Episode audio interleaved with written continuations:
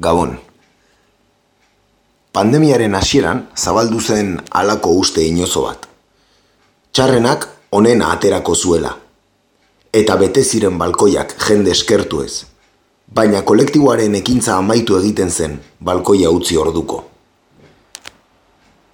Ordutik, areagotu besterik ez da egin, ordurako kolektibo gisa eta gizarte gisa sumatzen zen krisia.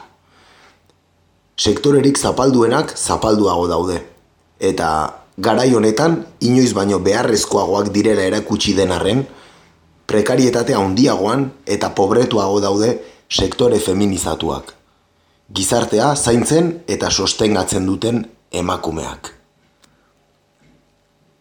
Zer pentsatua eman beharko luke privatizaziorantz egindako bidearen emaitzak. Baina eraikitakoa deseraiki beharrean, sistema publiko, sendo eta unibertsala sortu ordez, onelako esaldiekin konpontzen dituzte arazoak. Zaintza zerbitzu guztien kudeak eta publikoa ekonomikoki iraunkorra izatetik urrun dago. Eta gainera, familia barruko zaintza galduko litzateke.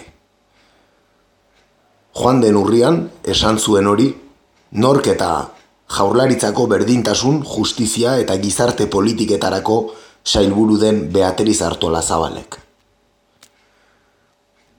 Ez da kasualitatea, egunotako zarata martxoaren zortziko mobilizazioen egokitasunaren arira. Beldurra, banaketa, eragin nahi dute feministen artean. Gertatzen ari denaren larria eskutatzeko. Kalera irten ez daitezen kolektibo indartsu gisa.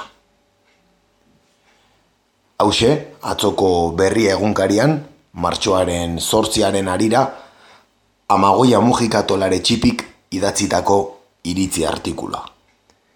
Hemen hasten da gaur egur. Guten Tag, meine Damen und Herren. C'est la lutte contre le terrorisme. Katea ez da eten. Agirre, garaikoetxea, leizaola. Gaur egur. Gaur egur. Gaur egur. Jolasten eta enredando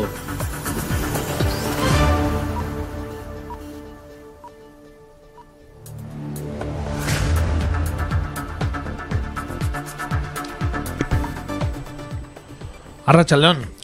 Haupa, atxaldeon. Kaixo den hori. Zemuz gaude. Do. Bai, a ber, etorri astelena berriro. Bai, gaurkoan e, egun seinalatua gainera. Hori da, martxoak sortzi ez, e, egun garrantzitsua kalendarioan. Bai, ja, e, zaintza lanak eta danak egin ditugu ez, ja, utzi ditugu hor, eta tartea hartu dugu Ba hemen, zuzen zuzenean irratian egoteko, eh? Zazpiak eta zortzi minutu gaur ere berandu, eh? Ba, bai, arazo teknikoak eta bai zaintza lanak eh, medio, ba, ezin izan dugu lehenago, hasi, ez da? Hori da. E, gaur ere, labankatako bat falta, beti falta dena, azken aldian behintzat, ez da?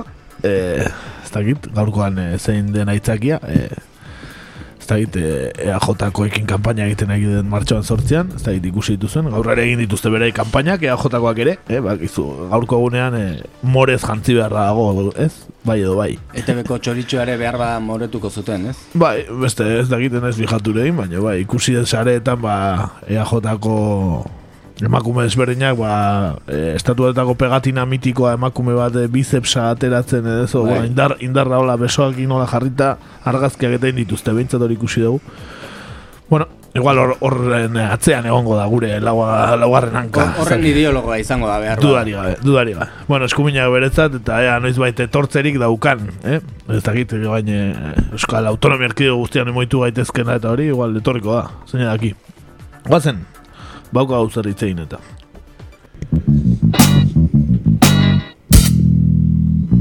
Bertan gau.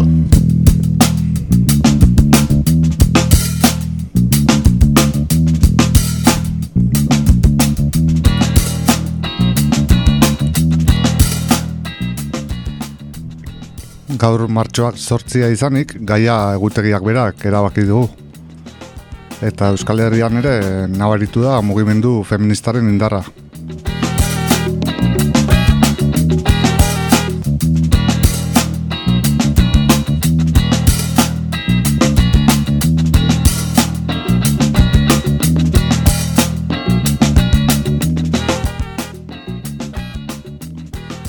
Den aldatu sistema arrakalatu lelopean, mobilizazioak egiten ari dira herri askotan martxoaren sortzi hontan.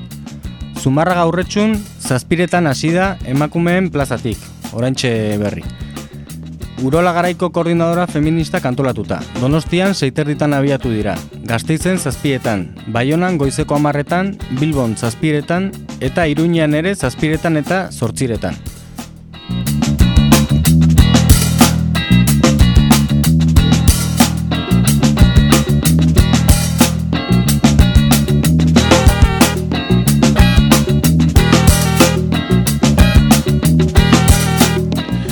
Beno, bai, ba, dira mobilizazioak eta hori Beatriz Artola Zabal, Eusko Jaurlaritzako berdintasun justizia eta gizarte politikerako sailburuak manifestazio masiboak ez egiteko. Eskatu zuela martxoaren zortzi hontan, ba, bueno, egoera epidemiologiko larriaren gatik, ezta? Espainiako gobernuko osasun ere horrela gozo zer aipatu du, eta Espainia mailan arrabo txandia sortu du, a Madrilen ez dutela, ez debakatu egin dutela, ez egitea. E, ala ere, Euskal Herrian, ba, mugimendu feministako kidek eutxe egin diote deialdiari, eta kalera atera dira, e, berretxi dute, aterako zirela, berretxi duten, eta atera dira, ezta? Segurtasun berme guztiak kontuan edukita, ala esan duten. Ala ere, ba, e, iriburuetako eta herrietako kale zabalenetatik, eta joatea, eta barrez, e, osasun prebentziorako neurrien zein mugikortasun mugek oikoa ditu mobilizazioak zailtzen dizkigute, baina kaleak salaketarako espazio izateko modua bilatuko dugu esan zuten eta horrela egiten ari dira Euskal Herri osoan zer era desberdinetan.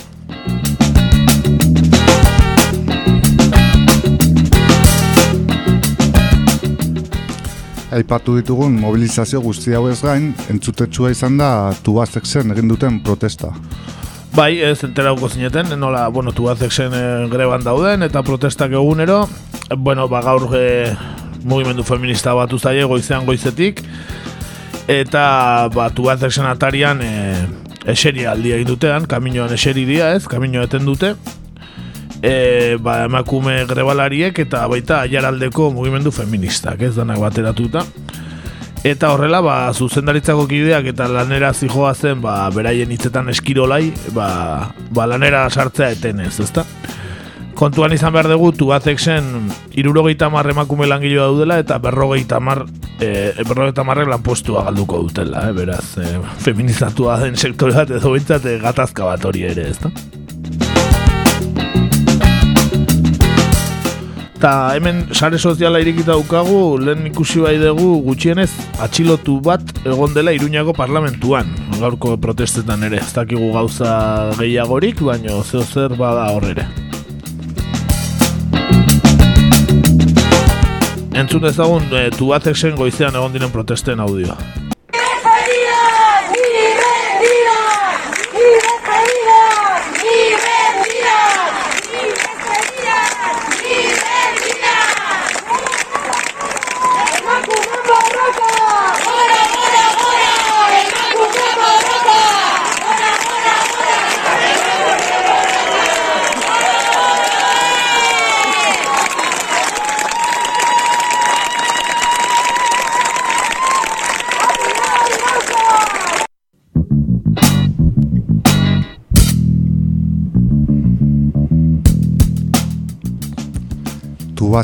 Tubazeseko egoeraz gain, aurten ere mobilizatzeko arrazoirik etzaio falta mugimendu feministari.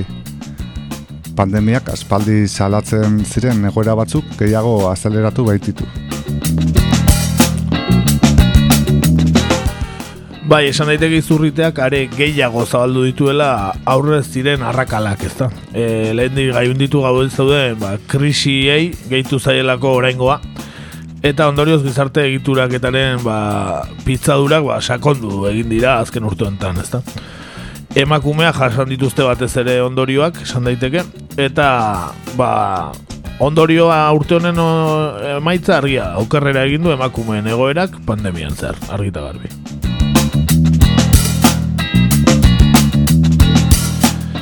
Feministek beraiek dioten bezala, botere politiko eta ekonomikoek osasun krisi hau euren interesen alde egiteko baliatu dute, eh, beste krisi batzuk bezala, eta emakumeen kontrako indarkeria patriarkala eta koloniala areagotu besterik ez da egin aurten.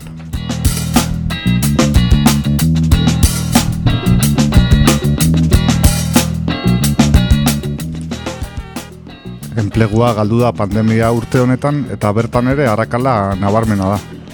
Bai, hori da, iazko konfinamendu zorrotzaren garaian, pandemiaren lehen ba, zantzuarekin batera, oinarrizkoak ez zirenia aktivitate guztia gelditu egin ziren, eta, bueno, da, danoak bezala, gerora lan erregulazioarekin eta osatu dituzte, bueno, soldatak edo diru iturriak eta, baina e, enplegu prekario askotan, ba, ez da horrelakorik ere gertatu ere egin, ez da?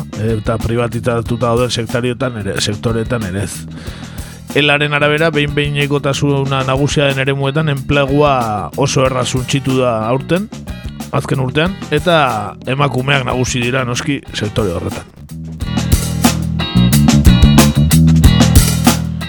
Lab sindikatuak ere jardunaldi partzialak eta behin behineko tasuna aztertu ditu, eta ondorio estatu du 2008an emakume gehiago zeudela egoera horietan, gizonezkoetan baino, ez, behin behineko kontratuekin eta bar. Areago, e, aurreko urtean e, gaindegiak egindako azterketa baten arabera, gizonek 2,5 euro gehiago ordaintzen e, irabazte zituzten e, lan ordu bakoitzeko emakumeak baino Euskal Herria. E, orokorrean, ez? O, bueno, bataz besteko. 2,5 euro gutxiago ordaintzen dizkieten emakumei gizonei baino.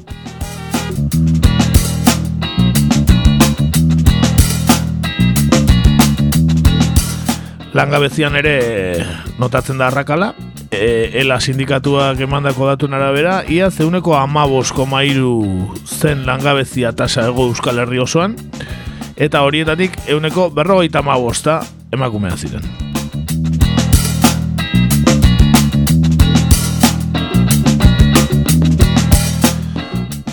Telelana ere aipatu beharreko kontua urten, ezta? E, izurritetan, ba, protagonista izurritetan, protagonista bilakatu da telelana edo etxetik lan egitea.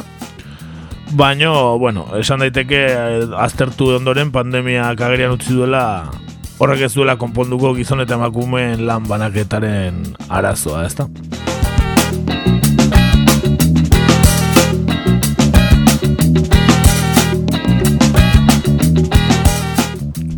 Eta lehen ikusi ezin ziren hainbat jardun, ikusgai bihurtu ditu koronavirusaren pandemiak.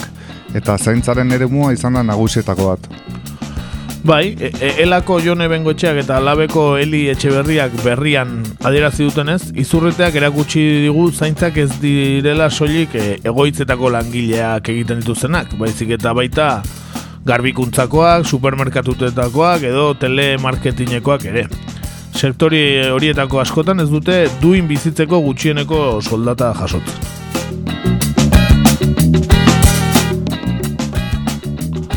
Zehazki labek mila lareun eurotan ezarria du soldata duina, haren arabera eragin handiagoa da feminizitatuta dauden zaintza sektoretan eta zerbitzu pribatuetan e, hau ez kobratzea eta emakumeek egiten dituzten oski lan guzti hauek balio gutxiago dutenak dirutan eh? eta ba, sindikatoen ara, hauen arabera ba, publikoak izan beharko luketenak eh? zerbitzu hauek eta ez pribatuak negozio hori olikatzeako, ez, pribatutasun hori olikatzeko, ba, lan baldintza ez duinak erabiltzen dira, ez, e, fina, ba, norbait esplotatu behar da, hori privatizatuta negozio bihurtzeko.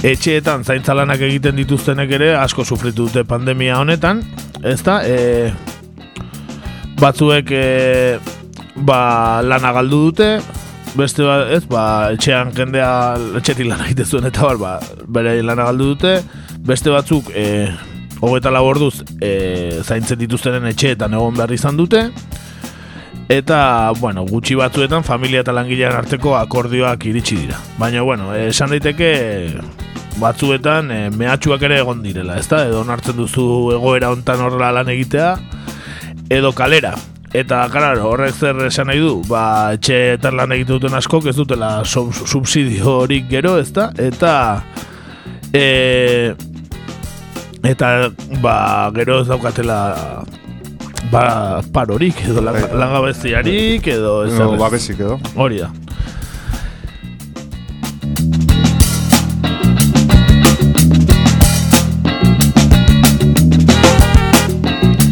Horri gaitu hartzaio lanerako ekipamendu egokirik ere ez dutela jaso askok eta askok, ez? E, ba, pandemian hasieran hain famatu egin ziren epiak, ez da?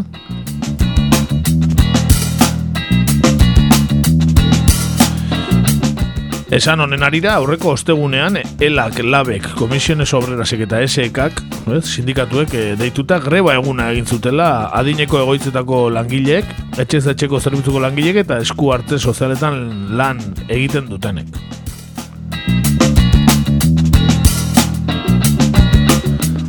Lau sindikatu hauen arabera, egungo zaintza sistema negozioan oinarrituta dago eta ez pertsonengan. Gainera, eremu publikoaren eta pribatuaren arteko lankidetza ereduak gezur handiak ezkutatzen ditu.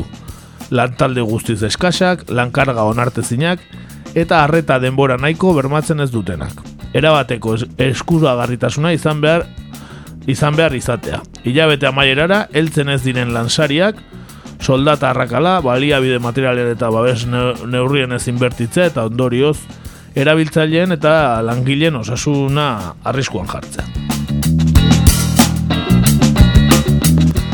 Eta aurreko asteguneko greban bertan sindikatuek esan zuten behaien helburua zela zaintza sistema publikoa, doakoa eta unibertsala izatea. Baina Euskal Gobernuek, bai ego Euskal Herriko bi gobernuek, ez dutela inolako borondaterik ba, eskaera horiek gauzatzeko, ez? Eta sektorea privatizatuta jarraitzen aldekoa direla.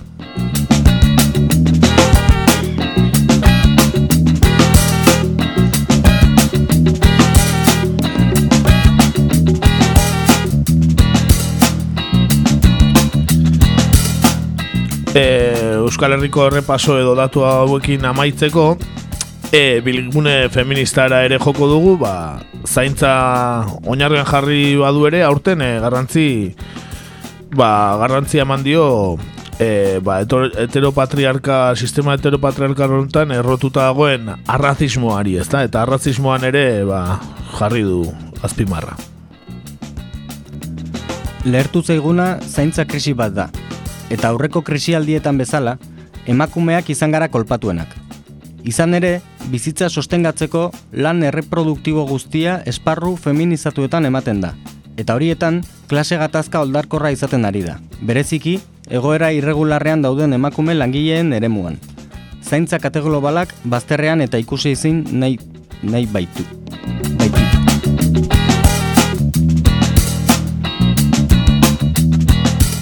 Gure bizitzak sostengatzea ez da errentagarria kapitalismoarentzat. Horregatik, egiturazko zapalkuntzak erabiltzen ditu etekinaren etengabeko gurpilak martxan jarrai dezan. Euskal Herrian, gulpir horrek sigla jakinak ditu. Ezagutzen ditugu Iberdrola, Confebask, CAF, BBVA, Endesa. Merkatu librearen logikak ardatz arrazista baten inguruan jokatzen du.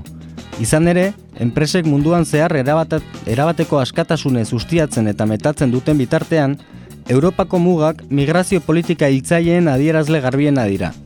Kapitalarentzat gure bizitzek ez dute apenas baliorik, eta heteropatriarkatuak eta arrazakeriak balio hori lanesku merkeran mugatzen dute.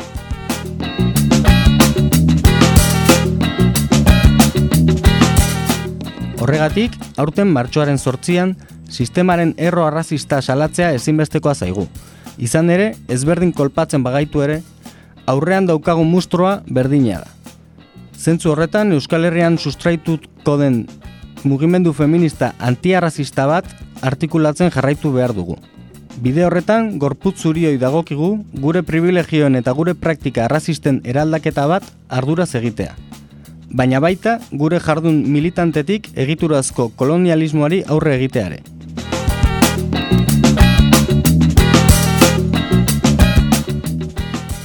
Bada garaia, injustiziaz, esplotazioaz eta zapalkuntzez eraikita dagoen sistema honetan ditugun privilegioen berrikuspen bat egiteko, eta guztiontzako unibertsalak izango diren eskubideak aldarrikatzeko.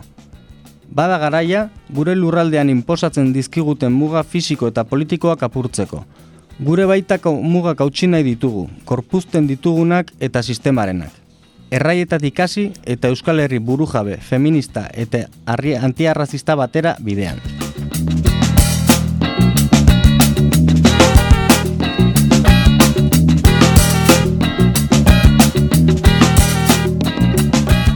Bueno, ba, martxoan zortzi etorri zaigu eta beti dakartza berrikuntzak, ez? Kasu honetan adibidez, ba, bilgune feministak egarri duen, bueno, e, azpimarra hori, ez? Arrazismoarena, eh? eta garrantzitsua hori, ere? Oso garrantzitsua, ez? Azkenean e, norbait ikusezin baldin bada da, e, papeli gabeko e, emakume etorkina da, ez? Hori nolabait da sistemaren ba, egunero ikusten ez duguna edo ikusi nahi ez duguna, ez? Ikusi ikusten dugu zertan aritzen diren asko zaintza lanetan eta bar, baino ondo dago, ez? E, hor jartzea harreta ere bai. Noski baietz. Gainera, ez, ematen dio kontrapuntua martxoan sortzi alde batetik bihurtu den zurikeria egun bat, ez, e, beste ba, enpresa handiek edo e, segun eta zein ordezkarik eta bar erabiltzeko Ba, bai, berdintasuna eta bar, baina, bueno, berdintasun hortan, ba, aipatu dituguna gehitu behar dira, ez, bai, zain, zaintza lanak e, nola nahi ditugun, ez, e, gizarte hontan, ez, eta ze baldintzatan egin behar duten lan, e, zaintza lan hori egin dituztenak, eta bestetik, aipatzen epatze genuen, arrazismo guzti hori, ez, biak oso lotuta daudela, bai, eta, sektoreak. Eta biak azpitik doazenak, ez, elkar lotuta. Duan, ba, ondo dago, morez jaztea, gauzak aldarrikatzea, baino, bueno, pixkat mamira joan da, ba, urte osoan zer borrokatu argi eta garbi, feministak ere guztien diguten modura. Hori da. Ba, nahi ba ezue, nazio artean ere, aipatuko dugu pixka gehiago gaurko eguna, ezta? Hori da. Guazen nazio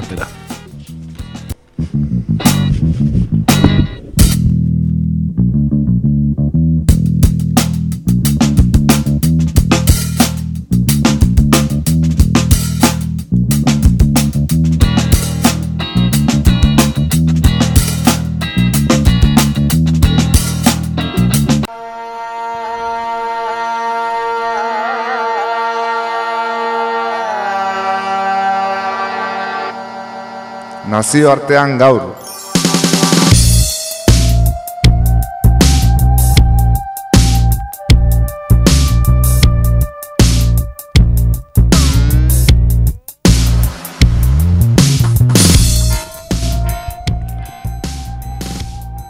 Emakumen aldare eta menperakuntza ez dira noski maila lokalera mugatzen. Izan ere, dominazio eredu unibertsal bat da patriarkatua leku zen denboraren arabera hartzen duen forma desberdina delarik ere.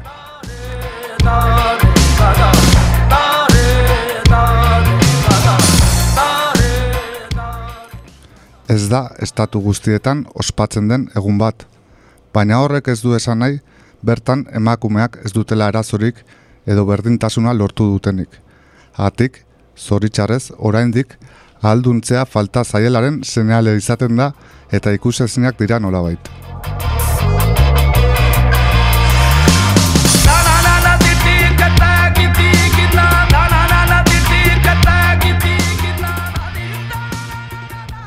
Ospatzen den askotan ere, bidea oraindik luzea da, diskurtsotik praktikara, bidea neketza eta malkatsua izan baita. Baina, botadi zaiogun begirada bat emakumeen egoera eta borrokari munduan zehar.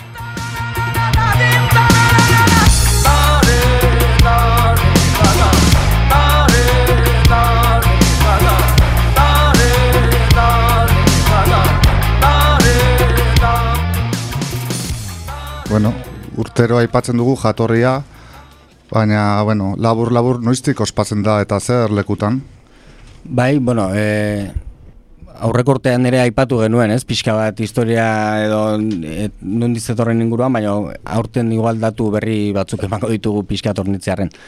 Eta, bueno, esan, e, martxoaren sortzi eguna, ba, dator mila sortzireun da berroita mazazpian, en Nueva Yorken, han batean, kale kantoi batean, Ez, e, egun egiten zuten emakumeek ere bat bat antolatu zuten, ez? Eta, bueno, e, beraien eskarien artean soldata bidezkoagoak eta lan baldintzak izatiarragoak zeuden.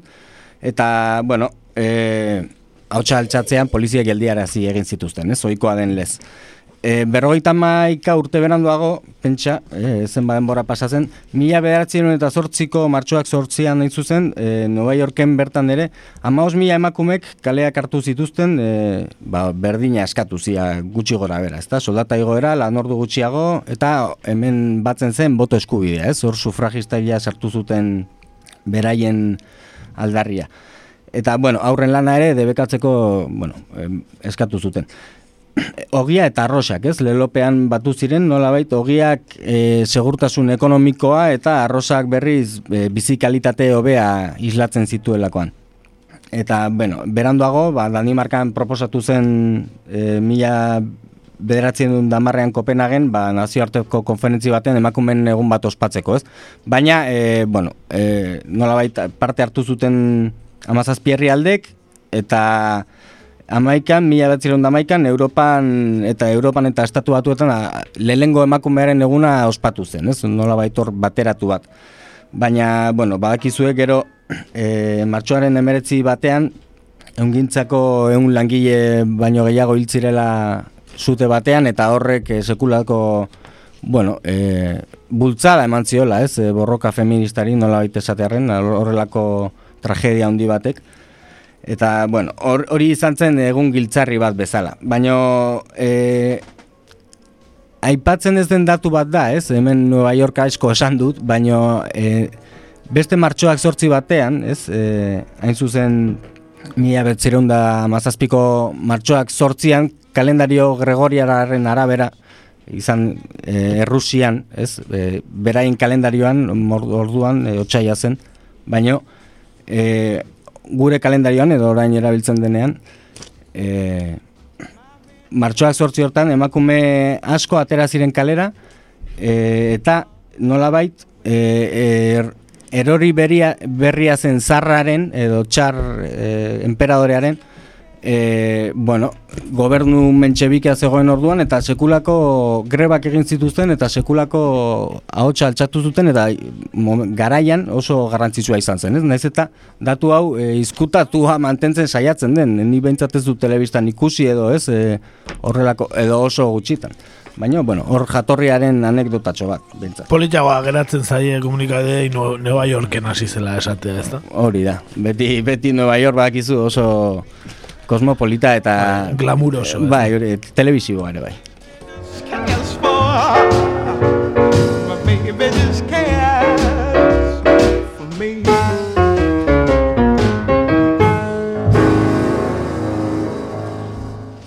Bueno, eta aurten ba badakizuen emakumearen eguna, nazioarteko eguna edo, e, onuren baitan ere ospatzen dela, ez? Onuk e, izendatzen duen egun hauetako bada baita, eta, bueno, e, pixka bat instituzio kutsu emateko irratxaioni onu emakumeak, e, bueno, ingelesez, e, kaleratu duen bideotxo baten audioak arre dugu.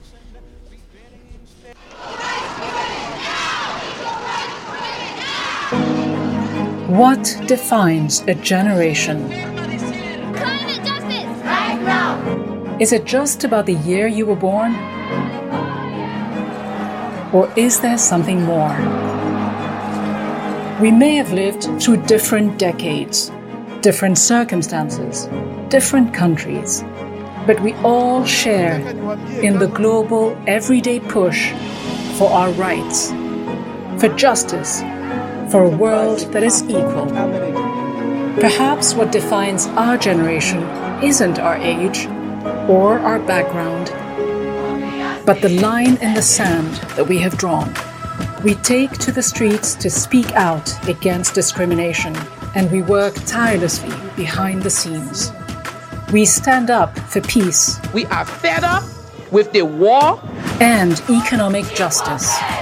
We start with a statement and watch it become a movement.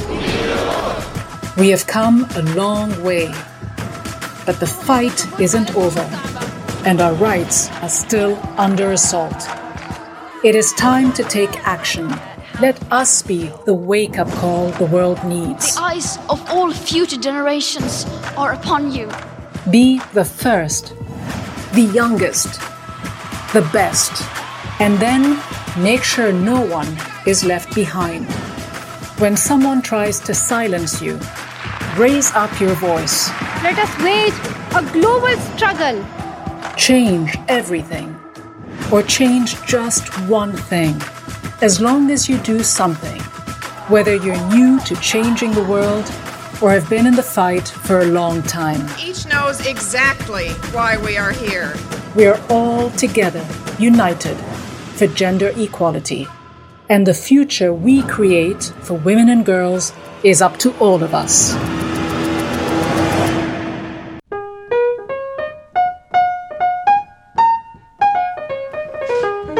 Love me and leave me and let me be lonely. You Ez da gizero zertarako balio duten onuren bideo hauek, baina, bueno, kuriosoa dira, eh? Norbait lan emateko bai, ez horrelako... Eta esperantza zabaltzeko behar bada norbaiten ere bai. Nighttime is my time for just reminiscing, regretting instead of forgetting with somebody else. There'll be no one. Bueno, onurekin txanda pasein da gero, guazen aurrera. I intend to be independent. Eta nola ospatzen da munduko beste tokietan? Bai, bueno, esan hori, ez dela munduko toki guztietan ospatzen, noski, naiz eta nazioarteko eguna izan, baino bai gehienetan, ez? E, bueno, modu adierazgarrienetako bat, e, deno dakigunez, ba, martxak, protestak eta azken urteetan grebak izan dira, ez? E, mundu osoko eunda iruro eta herrialdetako pertsonek, e, kalkulatzen da, parte, bertako milioika pertsona parte hartzen dutela bertan, ez? E, Espainia mailan ba, indar handia hartu dute horrelako ekitaldiek, ez? Eta, bueno, e, iasi mi, milioi pertsonak parte hartu zutela iazko urtean kalkulatzen da. Eta, tira, ba, goraka doan seinale, ez? Eta grebak eta nahiko entzutetsuak izaten da dira, eta, bueno, bide honean, behintzat. E, bueno, Frantziak e, aurten bat egin du grebako deialdiarekin, naiz eta pandemia garaian egon, eta, bueno, e, ikusiko dugu, no ez? Nola doan aurrera, e, notiziek esango digute. Eta, bueno, e, Italian ere bai, greba deitu du hirugarren urtez jarraian, non una dimeno plataformak, ez? E, bat gutxiago ere ez? Eta, bueno, Portugale, Greziak eta Belgikak lehen aldiz hartolatu dute greba feminista. Bueno, bada, bada zerbait, ez? Europa mailan badoa aurrera ere... Bai, edatzen ari da, eh, greba arena, ez da? Hori da, hori da, urtero egiten, bueno, Espainian aurten ez da, ez da deitu, ez da? Baina... Espainia errestatuan ez ezagit, ez, igual ez, Euskal Herrian ez. Hori da, ez, eta Espainian mailan uste dut ez da ere, dakidan ez. Gobernuak esaten duzu? Espainia mailako erakundetatik ez da deitu Ez. greba, ez, orokorrera aurreko ez, ez. urteetan bezala. Than happy with somebody else. You might find the nighttime. Baina, bueno, Europako beste lekueto batzutan, bai. Bai, hori da, hori, hori ikusten ari gara, ez? Eta, bueno, e, Latinoamerika mailan, ba, Argentinan eta Uruguay kalera ateratzen dira, ez? Argentinan azkeneko, e, bueno, lorpen feministak bultzatuta, ez? Abortua bertan duela gutxien hartu baitzuten. Eta, bueno, ba, horre ere, ba, esperantzaren argia piztuta dagoen seinale. Have it today to give back tomorrow. Your love is my love. My love is your love. There's no love for by Bai, abortuaren kontua aipatu duzu, zen hori izango da gaur egun feminismoak duen erronka handienetako bat, abortua eta ablazioaren ere, ala? Eta nola dago kontu hori dena berra aipatu?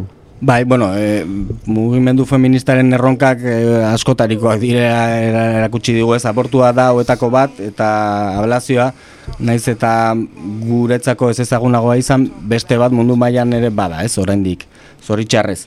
E, inork ez badaki, e, eta hau horrela diot, anekdota txiki bat esango dut, e, ablazioa zizketan irakasle izateko masterra egiten, ba, bertako kide batekin eta bueno, ablazioa aipatu eta etzekien zer zen, ez? Irakasle izateko master posgrado batean. Horregatik, ba, bueno, argiguntza hau emango dut ba ez bada ere. Guri Abla- urrutiko iruditzen zaigu, baina, ez? Bai, baina bueno, jakin zer dan behintzat ez, Bai. ez da. Eta, bueno, ablazioa da, ba, emakumen eta nesken giza eskubideen urraketatzat jotzen den praktika bat, e, hogeita mar estatutan praktikatzen dena egun, eta emakumeen klitorisa edo e, labios vaginales, e, ez dakit euskerazko zean, baina moztean datza, ez? Kasu askotan hiru forma desberdinatzen ditu, baina bueno, hirurak daude bideratuta, ba nolabait emakumeen plazera eta hori gutxi edo deusestera.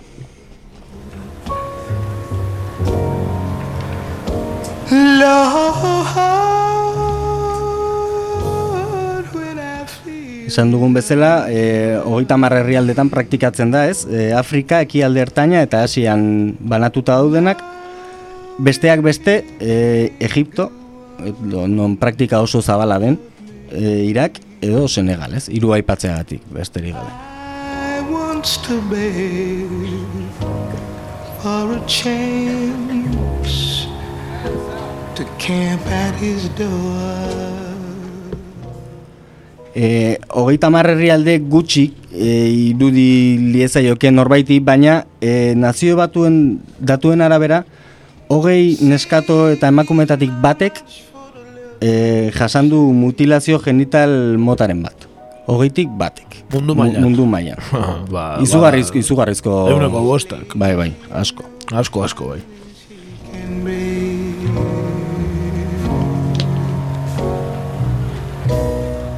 Adibidez, Gambian, Mauritanian eta Indonesian gaur egun amaika urteko nesken erdiek pairatu dute, eh? Osea, gaur egun hiru estatu horietan, eta era berean, e, eme, amabost eta berrogeita bederatzi urte bitarteko emakume eta nesken arteko prevalentzia handiena duten herrialdeak dira Somalia, euneko larogeita mezortzi batekin, Ginea, larogeita mazazpi, eta Djibouti, larogeita mairu. Hau da, ia emakumeen euneko unea.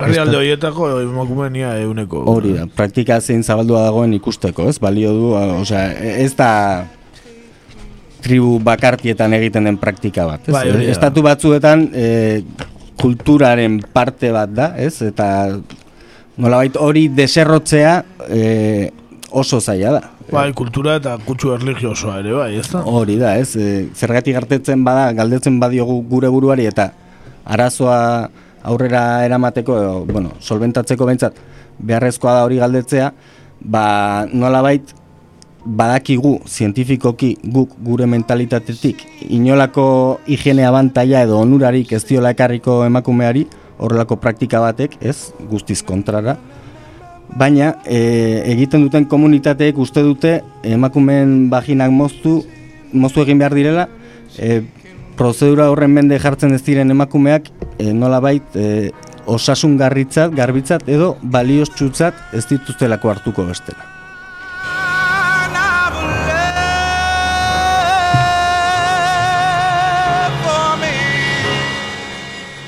Eta, bueno, hori ba, praktika oso edatu bat, ez? Naiz eta Europa mailan ere gertatzen da, e, imigrante ber, praktikatzen duten herrialdetako imigrante komunitatean artean, baino maila oso oso txikian, ez? E, Eta pentsatzen dut eh, legez eh, zigortua. eh? Bai, lege zigortua dago Europa mailan, ba, egia da beste herrialde batzuetan, non Afrika, Asia edo eki altertaineko beste herrialde batzuetan, non praktikaten ez den, e, legislazioa ez dela adibidez hain gogorra, ez? E, kanpoti datozenekin edo horrelako praktikak e, aurrera, bere estatuetan aurrera eramaten dituztenekin.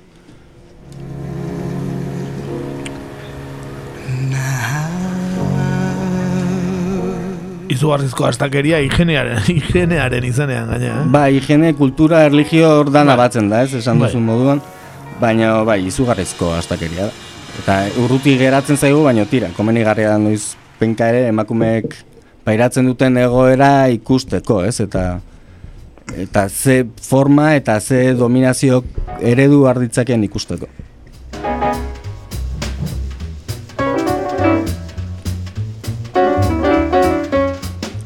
Da, bueno, esan abortuari dagokionez, eh, egun irurogeita zazpi estatutan dagoela onartuta inolako aurre baldintzari gabe. Hau da, epe jakin baten, bar, baten baitan, ba, emakume bat joan daiteke medikura eta eskatu abortu bat, ez? Edo, e, inolako ba, aurre baldintzari gabe. Ez, beste amalau estatutan onartuta dago, e, hau da aspirantzko jerarkia moduko bat, eh, esango dudana. E, beste amalau estatutan kontutan hartzen dira arrazoi medikoak eta sozioekonomikoak e, nolabait abortua onart, onartua izan dadin edo ez. Arrazoi medikoak direla medio, hau da, e, aurraren bizia edo em- emakumearena edo beste, ez dakit, pentsatzen dut, e, hemen sartuko direla e, biolazioaren edo ez, bortxaketaren e, ondorio diren aurrak, arrazoi medikoak kontutan hartzen dituztenetan, berrogeita masei estatutan dago hartuta eta emakumearen bizitza jokoan badago hogeita meretzitan. Hogeita sei herrialdetan guztiz debekatuta dago edo zein kasutan, ez? You ain't never been blue. Irudikatu daitkegu pixkat ze herrialde diran ze taldetan daudenak, ez? Bai, bai, baina igual sorpresa bat eramango duzu, eh? Seguro, bai. Ba, e, guztiz debekatuta daudenen artean, El Salvador dago, ez? Amerika Latinan dagoena, lege gogorren- gogorrenak dituen herrialdeetako bat, ez? E, Eliza katolikoak sekulako pisua daukan, naiz eta orain badakizuen galtzen ari den, ez? Bere protestantismo eh, amerikar horren inguruan, evangelismo hori horrekin hori da. Eta bueno, eh, legez kanpokoa da eta edozein egoeratan abortatzea. Bertan, e, hogeita urte arteko kartzela. E, jaso dezakezu abortatzeagatik.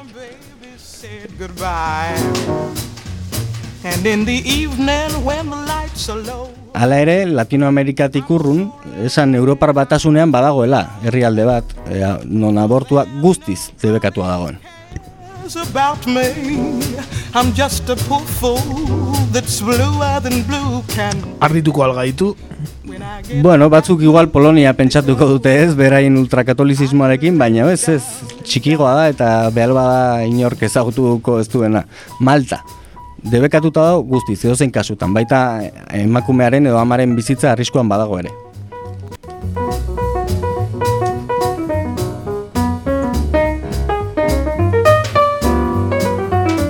Maltan zer dira? Ortodoxoak? Krista ortodoxoak? E, katolikoak, katolikoak, dira, Katolikoak. bai. E, uneko, populazioaren uneko larrogeita maoz baino gehiago katolizismopean identifikatzen dira.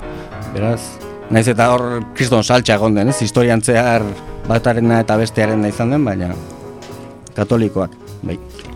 Eta antiabortistak, argi eta Ba, garbi. argi eta garbi.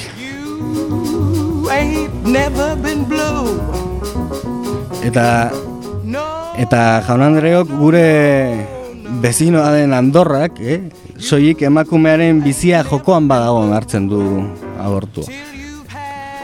Eta diru baldin baukazu. Eta dirua baldin baukezu behar bada baita. Bai, hor badauka Andorak e, berez Andoraren e, bueno, sobera utzaren parte bat e, no da, herri hori Save the Urrieleko Bai, hartzapezpikoak edo dauka. Bai, hori da. Bi buruzagi ofizial ditu, ez, Andorrak. Frantziako presidentea, hori da. eta pseudo urgeleko hartzapezpikoa, ez, beraz, hortikan joango dira igual, eh, abortoren kontrako kontua. hori. Segurazki.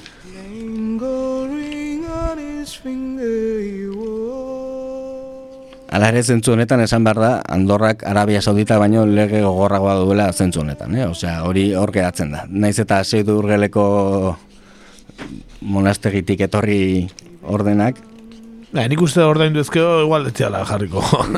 oso, oso zorrotz. hori beti gertatzen da, ez?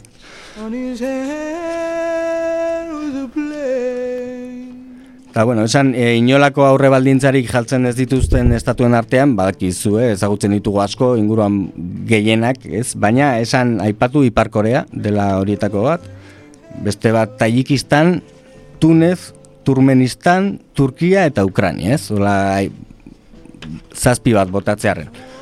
Baina pixka bat, ba, bueno, ez, lotzen ez ditugunak, behar bada, ez? Horrelako, pentsa, Argentinan oraintxe berriki ez, onartu da, eta, bueno, nork esango luke Tajikistan batean, nor inok ezagutzen ez duen, baina baizu, zentzu horretan, ba, bueno, legea, legea aldetik behintzat, ez dago, ez dago demokraziatik ainurrun, edo ez dakit nola esan. Bai, eskubide batzuk onartu eta da. daudela, beste leku batza baino lehenago, ez da. Hori. Eh, Turkiak agian gehiago harritu nago, eh? Bai, bueno, ba, hortxe dago.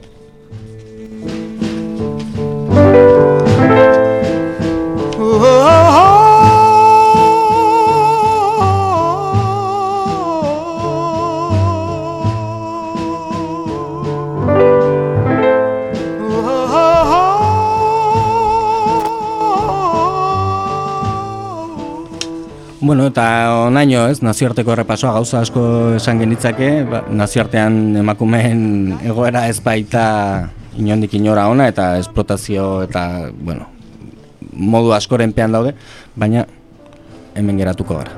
Bai, hainbeste ez, hainbeste eskubide urraketa daude emakume izategatik munduan, ezin danari errepaso egin, ez? Eta gero, ba, ba, lehen esan dugu postureoa ere, ba, mundu mailan ba, ikaragarria, ez? Nazio batuetatik hasita eta, bueno, Hollywood, eta da, nahi duzun guztiraino, ez da? Baina, bueno, bentsat datu kuriosoak, eta agian e, komunikabideetatik pixka gehiago alden duz e, beste herrialde batzuetara, ez? E, batez ere Afrikara, eta... Hori da, Nueva Yorketik urruti ez. Bai, hori da, beti ere, bazpare. Bueno, ba, abestitxo bat ekarri dugu, eta naiz eta e, estatu batutatik urruti egon nahi genuen, ba, abestia estatu batutara, eramago gaitu besti honek, eh? betiko abesti historiko, mitiko bikaina, e, Nina Simon entzuten aritu gara orain, eta orain e, Areta Franklinen e, respect e, abesti ezaguna eta bikaina jarriko dugu eta bere alagatoz.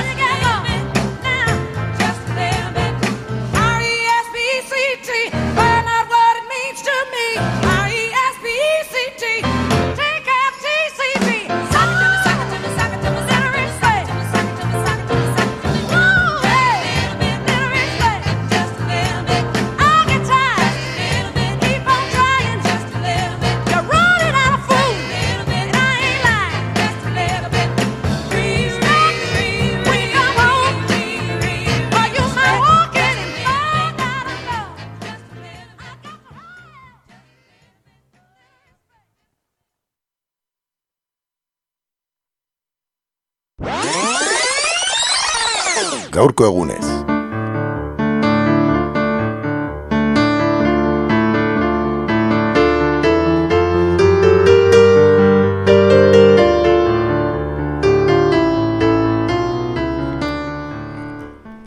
Gaurko egunez atalean, Berta Kazeres gogoratuko dugu, hil zutenetik bost urte igaro direnean. Ekintzaile indigena, herri indigenen eta zapalduen eskubideen defendatzaile sutsua, eta bereziki zenbait enpresa boteretsuek Hondurasen egin dituzten proiektu basatien aurka dena eman zuen militante nekaezina. Guazen ba, Berta Kazeresen bizitza, militantzia eta eriotzaren zergatiak gogoratzera. Mi nombre es Berta Cáceres Flores y soy eh, de una organización que se llama Consejo Cívico de Organizaciones Populares e Indígenas de Honduras, COPIN, y somos del pueblo Lenca. Eh, estamos en un proceso de lucha, de activismo por la defensa de los derechos de los pueblos indígenas y hemos venido en un proceso de resistencia, bueno, como siempre lo han hecho los pueblos indígenas por más de 500 años y seguimos eh, enfrentando el colonialismo actual. No es un crimen defender nuestros propios derechos como pueblos indígenas. El pueblo lenca es un pueblo antiguo que habitó esta región mesoamericana, el suroccidente, centro de Honduras, eh, una gran parte del Salvador también. Y este es un pueblo eh, dedicado bastante a la tierra, eh, su cosmovisión se centra en la tierra, en el maíz, en el equilibrio que debemos de guardar con todos los seres. Las transnacionales quieren invadir nuestros territorios. Ellos quieren eh, privatizar nuestros ríos, el agua, los bosques a través de los proyectos de represas hidroeléctricas para la privatización de la energía. Nosotras pensamos que o sea, esta lucha que nosotros vemos en la comunidad no es aislada, es una lucha y es, una, es un problema mundial, es un problema en este continente que no solo lo enfrentamos nosotros, sino que todos los pueblos que luchan contra el colonialismo y que tienen sentido de justicia y por la emancipación.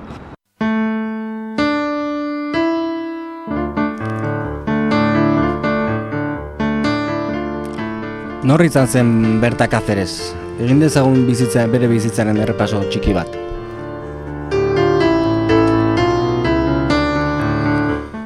Berta Isabel Cáceres Flores, mila behatzen da iru eta maikan jaiozten, eta bibia eta amaseian e, martxoaren bian nahin zuzen, hil zuten berrogeita bost urte bete berritan. E, Berta, ba, Hondurasko lenka herri indigenako lidera zen, ekintzaile ekologista eta giza eskubiden defendatzaile zutsua. Haurtzaroan eta nera bezaroan ba, Bertak bere herriko borrokin bat egin zuen, esatearen ba, bere anaietako bat tirokatu eta hil zuten protesta batean. Beste anaia sei iabetez baiturik eduki zuten eta bortizki torturatu ere izan zen. Eta bere ama adibidez e, Austra Berta ba, erizaina zen onfizioz baina e, hainbat urtetan bere herriko alkateare izan zen ez? Eta bertaren amak ba, adibidez El Salvadoreko e, gerra garaian errefusiatu askori babesa eman ziren, ez?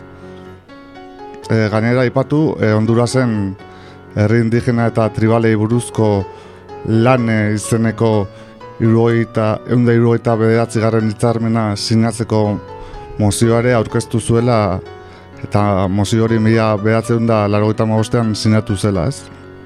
Eta bertan, ba, militarizazioa saiesteko, la esperantzan bataioi bat jartzea galerazi zuen ez. Eta militarrek e, herriei eta emakume indigenei jazarpenak egiten zizkielako ba, salaketak ez.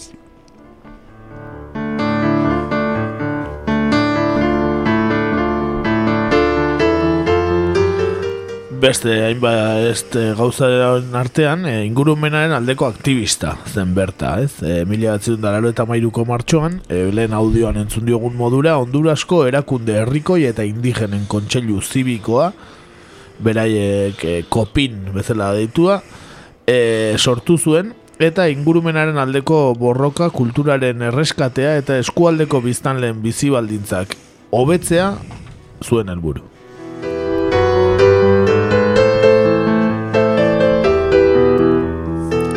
Bai ez, e, zuk aipatu duzela ez, ingurumen aktivismoa nabarmendu zen, e, bereziki mediatikoa izan zen, bai, ibaien privatizazioaren aurkako eta nazioarteko inbertitzaien aurkako bapresa hidroelektriko proiektuen aurkako jarduera, eta batez ere, ba, Santa Barbarako Walkarke ibaiko zerka urtegiaren proiektuaren aurkako borroka, ez? Hortan asko nabarmendu zen berta, ez?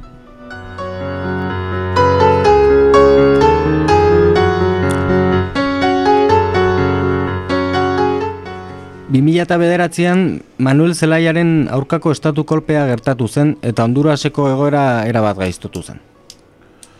Berta Kazeresen konpromisoa etzen soilik bere herriarekin eta naturarekin izan, baita demokraziarekin ere. 2000 eta bederatziko ekainaren hogeita sortzian, Manuel Zelaia presidenteak kargutik kendu zuen estatu kolpearen aurkako mobilizazioen eh, buru izan zen berta. Testu inguru horretan, lider indigenak salatu zuen hainbat momentutan, Amerikako estatu batuek Hondurasen izandako presentzia militarra. Militar horiek edatu ziren lenka herriaren inguruan operazio militarrak eginez, eta herrialdean zehar base militar gehiago eraikitzeko mehatxua ere egin zuten.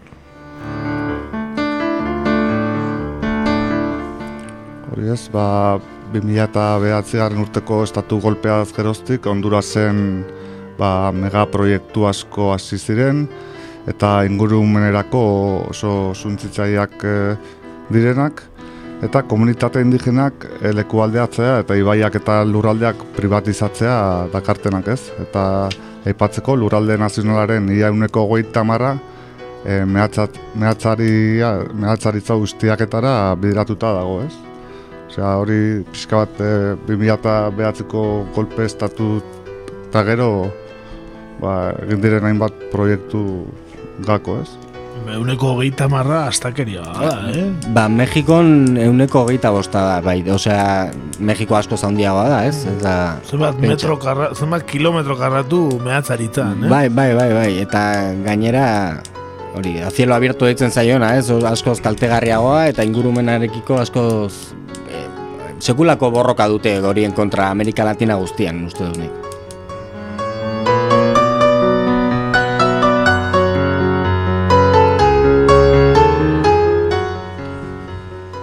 Berta Cáceres ere agua zarkako proiektu hidroelektrikoren kontra agertu zitzaigun.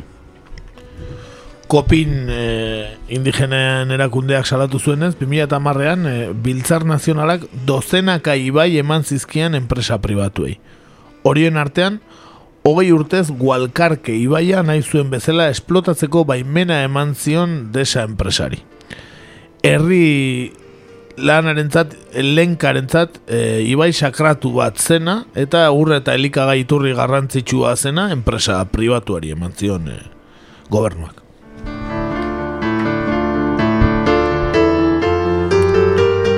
Eta ondorioz, ba, protesta kanpaina handi bat hasi zuten, ez? E, komunitate bilerak antolatuz, legekesak aurkeztuz, eta kasua gizaskuiden batzorde interamerikarrera ere eraman zuten, ez? E, aipatu, 2008 garren etik aurrera, e, Berta Kazeresek kopin zuzendu zuen eta protesta kanpaina hartan, eta 2008ko usteiaren amabostean, Hondurasko militarek, e, kopineko kide batzuen aurka tiro egin zuten, e, protesta baketsu bat egiten ari zirela, eta Tomas Garzia e, buruzagiaren eriotza ekarri zuen, ez? Eta hainbat zauritu larri ere eragin zituzten, eh? Gainera, eraikuntza konpainiek, e, poliziak eta militarek, errepresio jazarpen eta mehatxu kanpaina sistematiko bat antolatu zuten orduz geroztik, tokiko ekintzaien eta talde indigenen aurkaz. Eta aldi berean, ba, kriminalizatu egiten zituzten eta komunikabidetan indarkeriazko eta arriskutsutat ere jotzen zituzten, ez?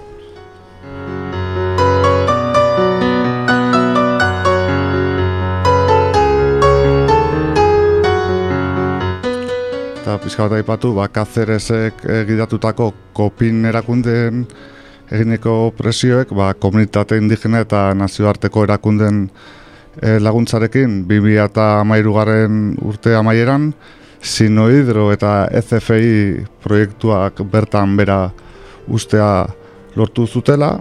E, giza eskubideen urraketei buruzko kezka batzuk argudiatuz eta ala eta guztiz ere e, gara, e, garapen energetikoek proiektuarekin jarraitu zuten eta erekuntza eraimua ibaiaren beste aldera eraman zuten ez horrela ba, e, e, ba, kopin erakundeak eta egindako presioak zaizteko asmotan, ez? Protestak zailtzeko, ez? Hori da.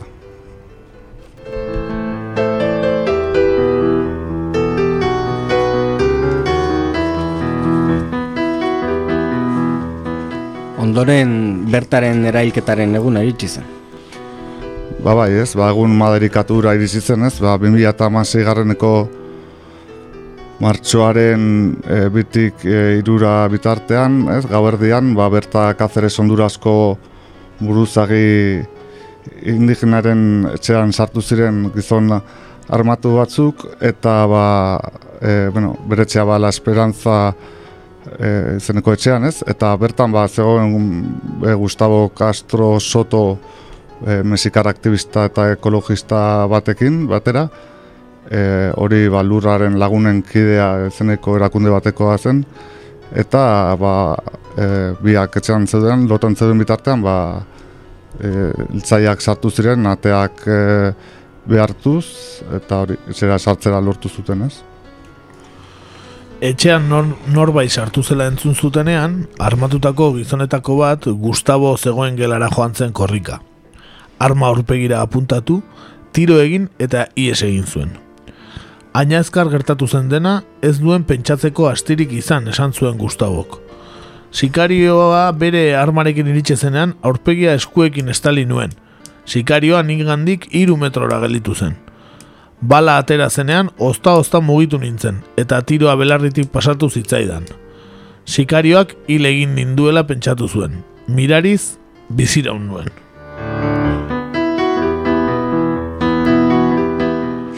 Sikarioa joan zirenean, Gustavo bere ala joan zen bertaren gerala, gelara, zoruan zegoen, odoletan.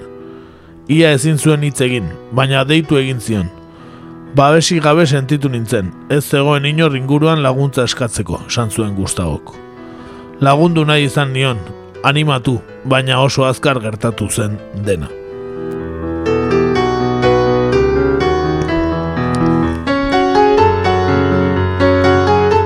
hori ez, oso krudela, eh? bertari eta gustabi gertatu zitzaien bertan ez, eta bueno, azkenean ba, batzuek ba, beraien helburua lortu zuten ez, hainbat e, urtetan ba, e, hainbat enpresa ondiren eta hainbat mega proiekturen aurka izan zen, ba, segurizki ba, indarra handienetakoa ba, itzaltzea lortu zuten ez. Piska bat aipatu, ba, e, urrengo egunetan bere bertaren alabak e, e, bertazunigak bertazunigak azeresek e, kopin erakundearen gidaritza hartu zuela e, bere ama bertaren bere ama bertak ez e, eraila aurretik e, zuzentzen zuen erakundea eta erantzunkinzuna hartu eta azte gutxira bere alaba bertazunigak azeresek salatu zuen e, ba, atentatu bat jasan zuela, eh? eta ies egitea lortu zuen eh, justu, justu. Eh? Alaba berak ere bai. Bai, bai.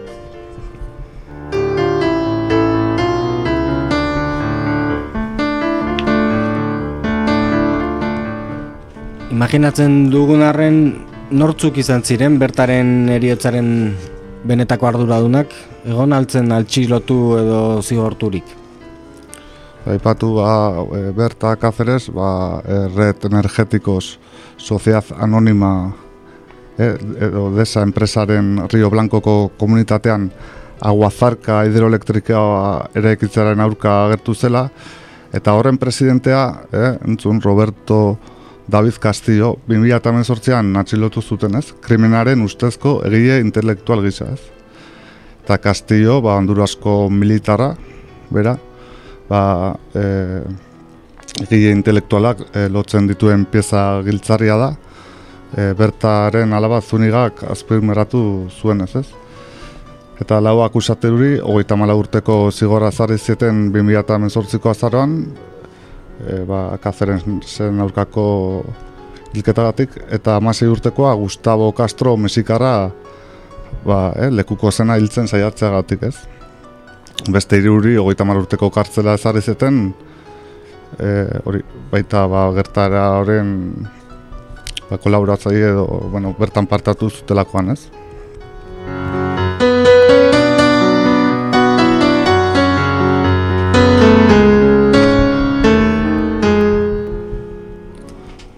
Honduras e, ingurumenaren defentsan borroka egiteko munduko herrialde arriskutsuenetako bat bilakatu da, ez? Edo bilakatuta zegoen berta erailtzuten erako ere bai.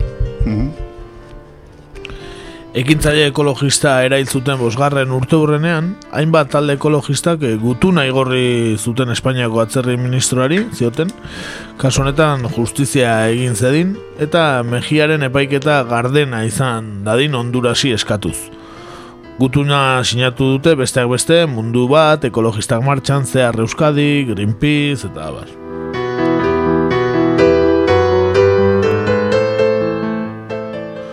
Gutunean azpimarratu dute Honduras dela lurraren eta ingunumenaren defendatzaileentzat munduko lurralderik arriskutsuena. Global Witness erakundearen azken txostenaren arabera, Hondurasek ditu eraildako defendatzaile gehien biztanleko. Gutunean talde ekologistek seinalatu dutenez, Berta Karez Kazeresen erailketaren arduradun diren pertsona guztiak ez identifikatu eta salatzeak arriskuan jartzen ditu ingurumenaren beste defendatzaile batzuk, eta krimen honen arduradun direnak zigor gabe uzten ditu.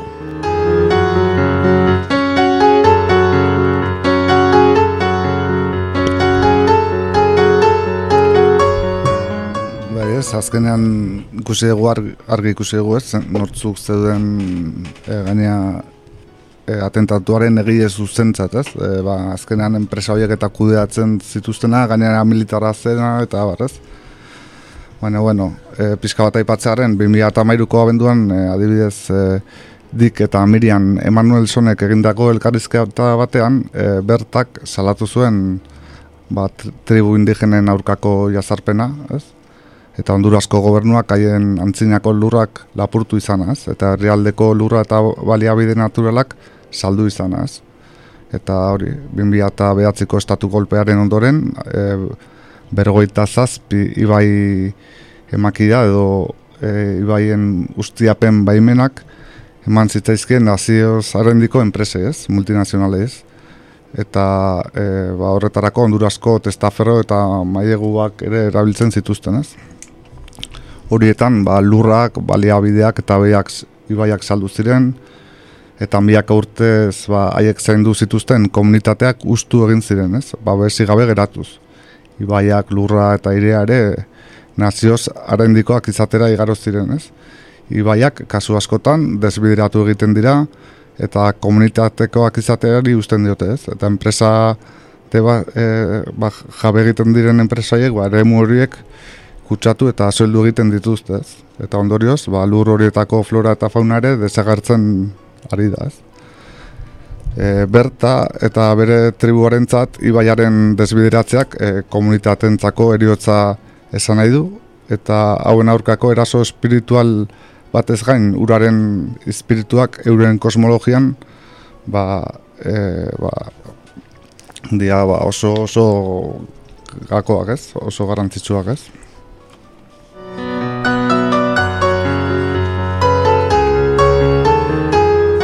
Lehen behari entzut dugu ez, e, artoa ere dela ez, beraien e, oinarrizko gauza bat eta ura izango da beste bat noski. Bai dudari gabe ez, ura denontza da garantizua, baina zer, zer esarik ez, ba, e, urarekin ba, nekazaritza eta gunerokoa behar duten entzat ez. Eta pixka bat aipatzearen, e, pixka bat zela, zelaiaren golpe estatuaren ondoren jarritako Juan Orlando Hernandezen gobernuak ba, bergoita zazpi kontzesio baino gehiago eman zizkien erberetako, Alemaniako eta e, estatu batuek e, gidatzen zituzten hainbat e, proiektuei ez, eta e, horien atzean, ba, ipatu ditugun herrialde horietako e, banketxe eta inbertsio funtsak daude, esaterako ez, eta beraien interesak dituzte ba, ondura zen ez, eta ba, gero horrek guztiak dakartzan ondamendi ekologikoa ere ba, kontuan hartu behar dugu ez.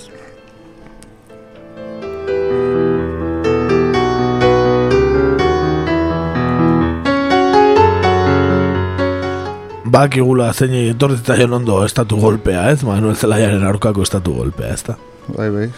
Eta ba, pixka bat aipatzeko, ba, e, karataskako e, entziran ere ba, e, megaproiektu bat ere ekitzea salatu zuen bertak beste hainbat gauzen artean.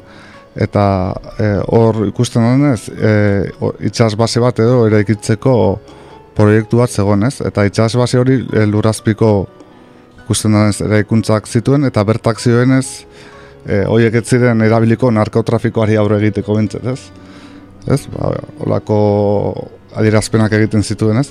Eta ba, pentsa dezakegu, erio mehatxuak, sexu eta telefono jazarpena, e, eta adibidez Douglas Giovanni Bustio aire armadako koronel oiaren mehatxuak ere jaso zituen bertak, e, gobernuaren aldetik e, jazerpen judizialare salatu zuen, Eta adibidez zenenek 2008an egindako elkarrizketa batean, bertak adireza zuen ba, lege berriek urratu egiten zituztela indigenen adierazpen esku, eskubidea eta haien lurak eta komunitateak defendatzeko eskubidea, ez?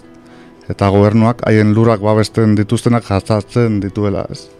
Ba, pizka bat, ba, bertaren, beraren kasuan bezala, ez? Eta bere alabaren kasuan ere, ikusi dugun bezala, ez?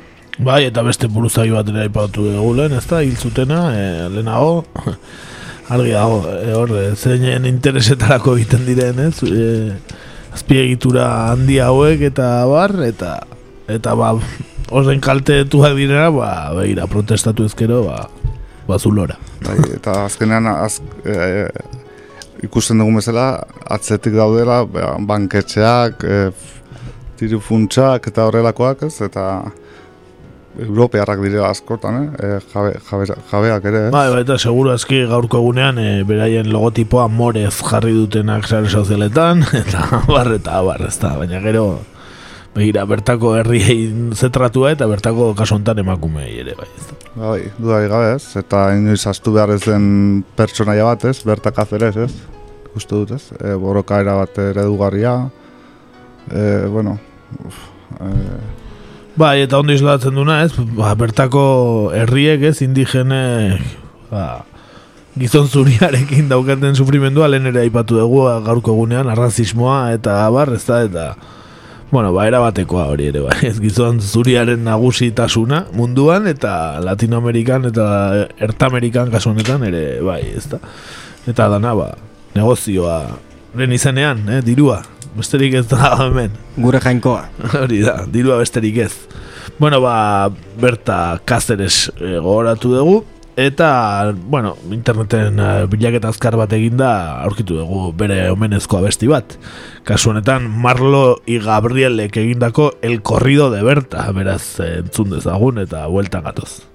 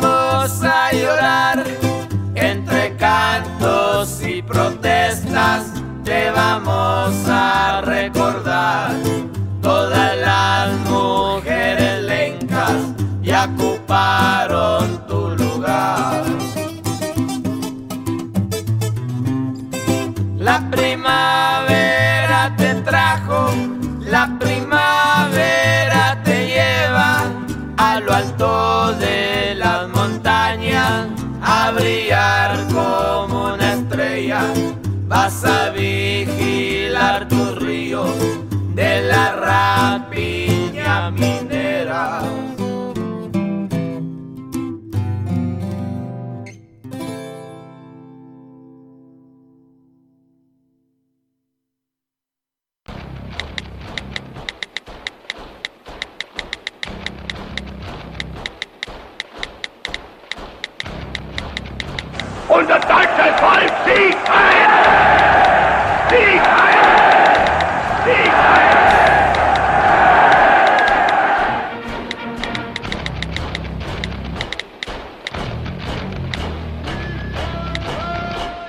Badatoz SSA. Sare sozialetan egur.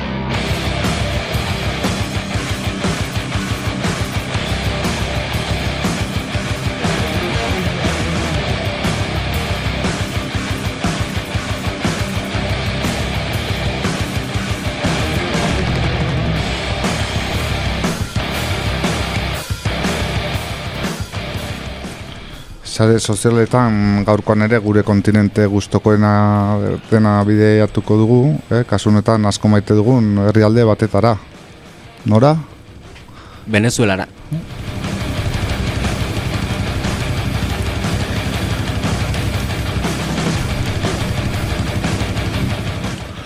Ba bai, Venezuelara joango gara, eh? Agian egin behar dugu at atalontan pixkat, eh, pandemia nola nola ari den evoluzionatzen herrialde bakoitzean eta ez da, ez da, ideia txarra igual.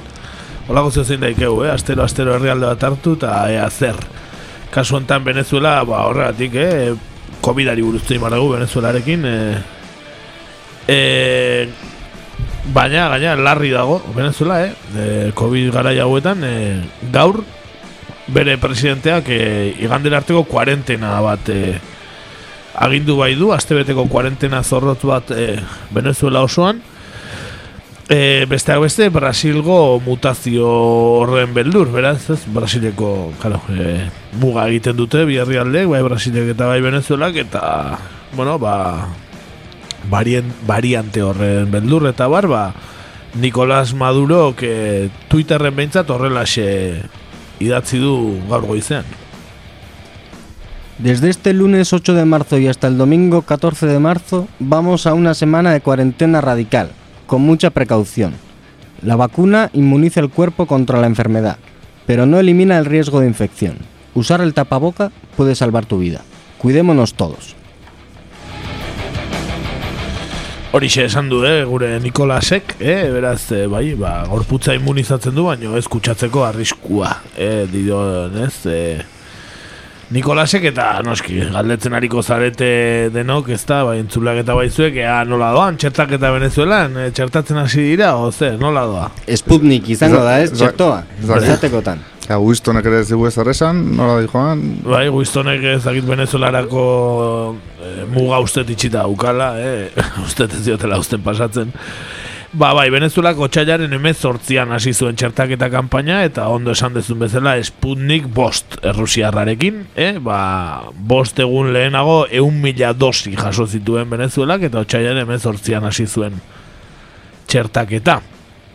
Eh, esan Venezuela gaina urritik Sputnik bost txertoanen probetan parte hartu duen herrietako bat izan dela lehen aurreko probetan eta ja abenduan sinatu zuela kontratua Errusiarekin.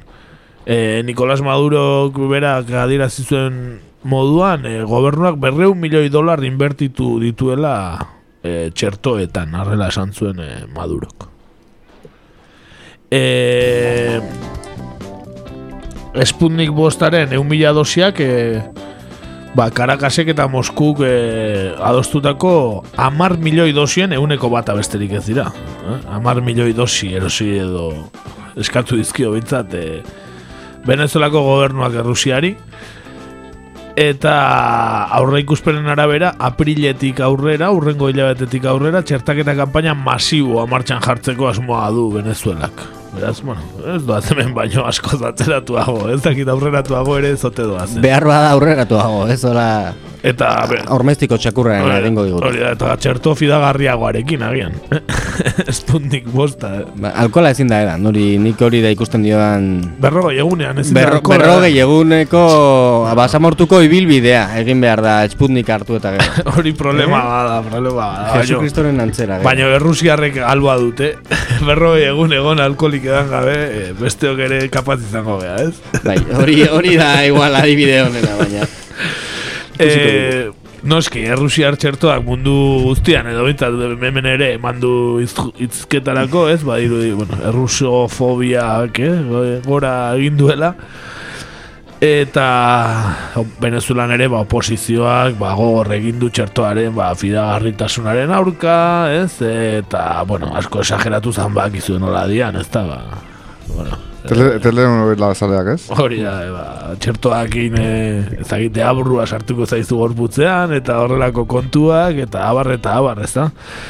Eta, ba, noski, zein txertatu da, proba egiteko, jende mundu guztiaren aurrean e, txertoa ondo, ondo, dabile, ondo funtzionatzen duela. Nikolas, ez da, izango zen? Noski, ba, Nikolas, eta orduan e, Nikolasek, ba, kamararen aurrean e, txertaketa jaso du, e, bere ia bi orduko telebista saioa egin ondoren, hau ere Chavezen eskolakoa eta bere... Bu, bukaran jaso du, ez? Ja, audientzia mantentze aldera hor sorpresa bukaera. Hori da, hori da, bukaeran sorpresa ze gertatuko da, txerto hartu eta gero, ez da?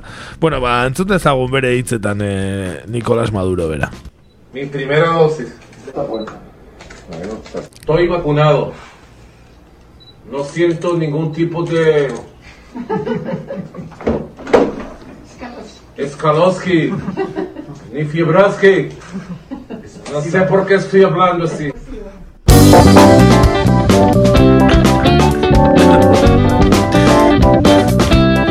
Bueno, es que Nicolás, Nicolás da komiko handia, eh? Bai, bai, papel horretan ondo jokatzen. Es que imaginatzen duzu beste mundu mailako edozein presidente horrelako broma bat egiten, eh? Ba, bueno, eh, hor, ba, errusiera zitzeingo balu bezala esaten du eskalonski, eskalofrios esateakon, da fiebroski, fiebre esateakon, beraz, ondo landutako txistea. Etxetik eramandakoa behar da. bai, seguro erik, bai. Baina, beretan, eske, Bolibartarra hauek ikaragarria dira, ez humorea duen. Bai, bai. Hori, hori historiarako geratuko da beste gauza ba askoren artean, baina beraien umore kutsu hau, vamos. Bai, bueno, zenbat uste izkigolakoak ez, e, pi, no espinera, espinetxek, eta zenbat olako Madurok, eta Chavezek, eta...